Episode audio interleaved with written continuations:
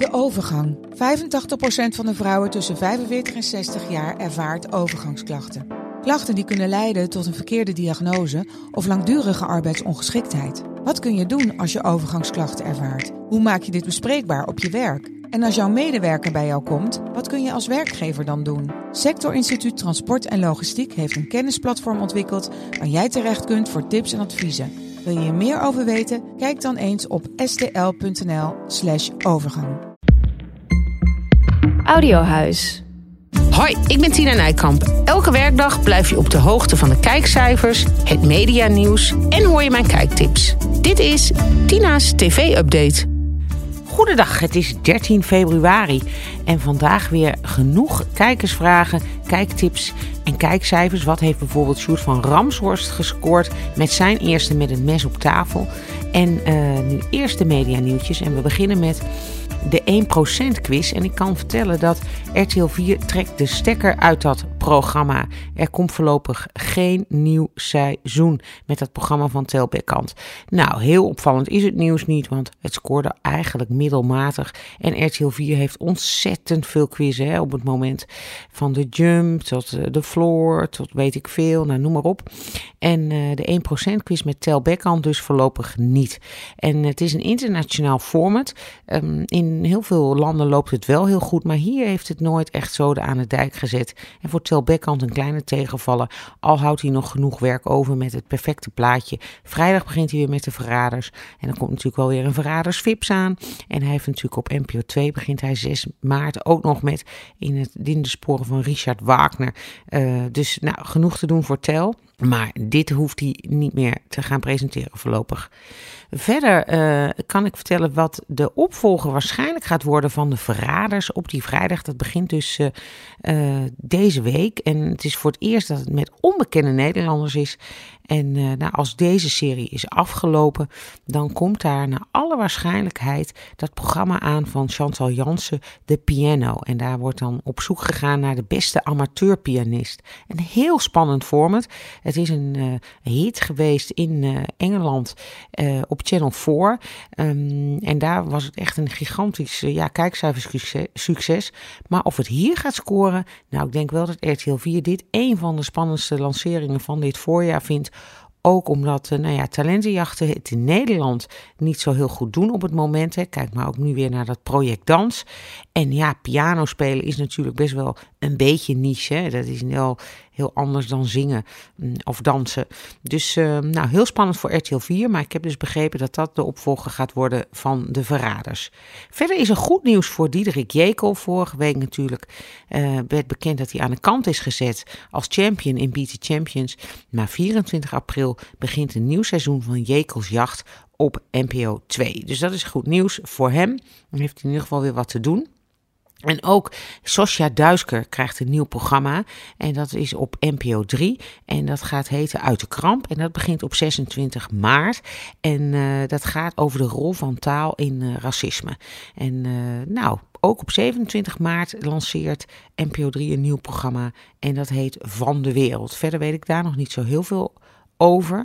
Maar NPO 3 uh, nou, heeft wel weer heel veel nieuwe titels. Wat altijd zo jammer is, is dat ze eigenlijk nooit wat promoten. Dus je weet eigenlijk helemaal niet dat het komt.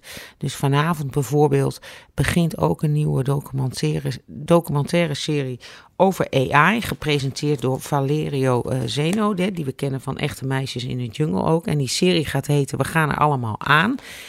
En ja, ik heb er gewoon geen promo voor gezien. Ja, het kan aan mij liggen hoor. Maar dat vind ik dan zo zonde dat er helemaal uh, geen promotie voor is. En dan weet je nu al dat het weer een uh, flop gaat worden. Dus uh, ik denk wel dat het hoog tijd is dat NPO 3 echt heel snel een sportzender gaat worden. Zodat ook na die sport ze nieuwe programma's kunnen lanceren. En dan hebben ze in ieder geval nog kans om een beetje te scoren. Nou, dan uh, gaan we naar de kijkcijfers. En het was natuurlijk een hele interessante avond gisteravond. Vooral voor Sjoerd van Ramshorst. Die zal echt wel heel onrustig hebben geslapen. Want hoe zou hij scoren? Hè? Hij is de opvolger van Herman van der Zand. Nou, een hele populaire presentator bleek dat te zijn van Met het Mes op tafel. Die zelfs nog beter scoorde dan de eh, voorganger en bedenker van de quiz Joost Prinsen. Want uh, Herman van der Zand, ik heb dat even uitgezocht, scoorde ongeveer gemiddeld zo tussen de uh, ja, 87, 6, 850.000 kijkers. Dus 780 tot 850.000 kijkers. En dat is heel veel. Zijn eerste aflevering scoorde in de tijd van Herman in 2015 605.000 kijkers. En gisteren is de Sjoerd begonnen en die scoorde meteen 900 11.000 kijkers. Nou, dat is gigantisch hoog, niet alleen voor NPO 2, maar ook tegenover het journaal. Hè, want het staat rechts tegenover, tegenover het journaal en tegenover GTST. En GTST is nou net weer beter aan het scoren. Dus uh, nou, gigantisch knappe score, 911.000 kijkers. Of het een record is, weet ik niet. Ik kan het niet echt terugvinden of het voor een reguliere uh, aflevering een record is. Maar in ieder geval een goede start. Vorig jaar uh, verving overigens Joost Prinsen Herman nog een tijdje.